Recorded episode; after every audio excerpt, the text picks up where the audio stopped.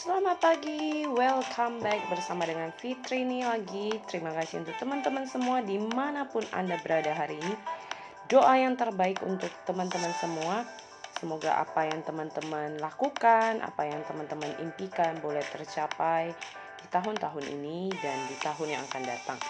Nah teman-teman tidak terasa ya hari ini adalah the last day of August ya dan kita sudah lewati 8 bulan, kita sudah memasuki bulan ke-9.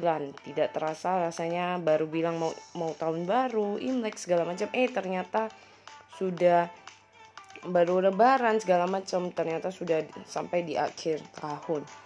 Teman-teman yang hari ini mau saya bagikan adalah bagaimana sih uh, planning-planning yang sudah kita kerjakan, kita lakukan khususnya untuk kita yang telah melewati ya masa-masa yang mungkin tidak mudah. Nah, teman-teman yang mau saya sharingkan adalah satu hal yang saya pelajari. Uh, setiap tahun mungkin akan ada struggle-nya masing-masing. Tapi bukan berarti kita menyerah begitu aja. Karena kalau hidup itu gak ada masalah, hidup semua mulus, pasti rasanya ya biasa-biasa kan kita merasa kita udah kuat, kita bisa segala macam. Tapi kenapa hari ini Tuhan mengizinkan setiap proses itu ada, Tuhan mengizinkan kenapa kita bisa menghadapi masalah-masalah untuk membuat kedewasaan kita untuk membuat kita lebih um, bisa belajar cara bagaimana mengatasi masalah yang baik. Dan hari ini saya mau berbagi adalah tentang uh, the struggle of life yang mungkin seringnya kita dengar teman-teman.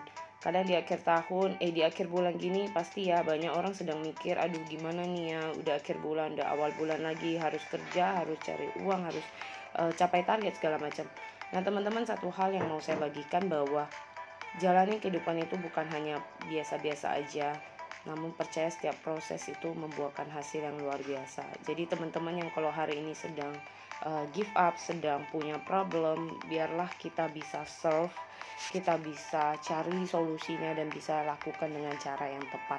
Bahwa setiap masalah, setiap apa pun yang kita hadapi pasti ada jalan keluar. Bukan fokus kepada masalah, tapi fokus pada solusi.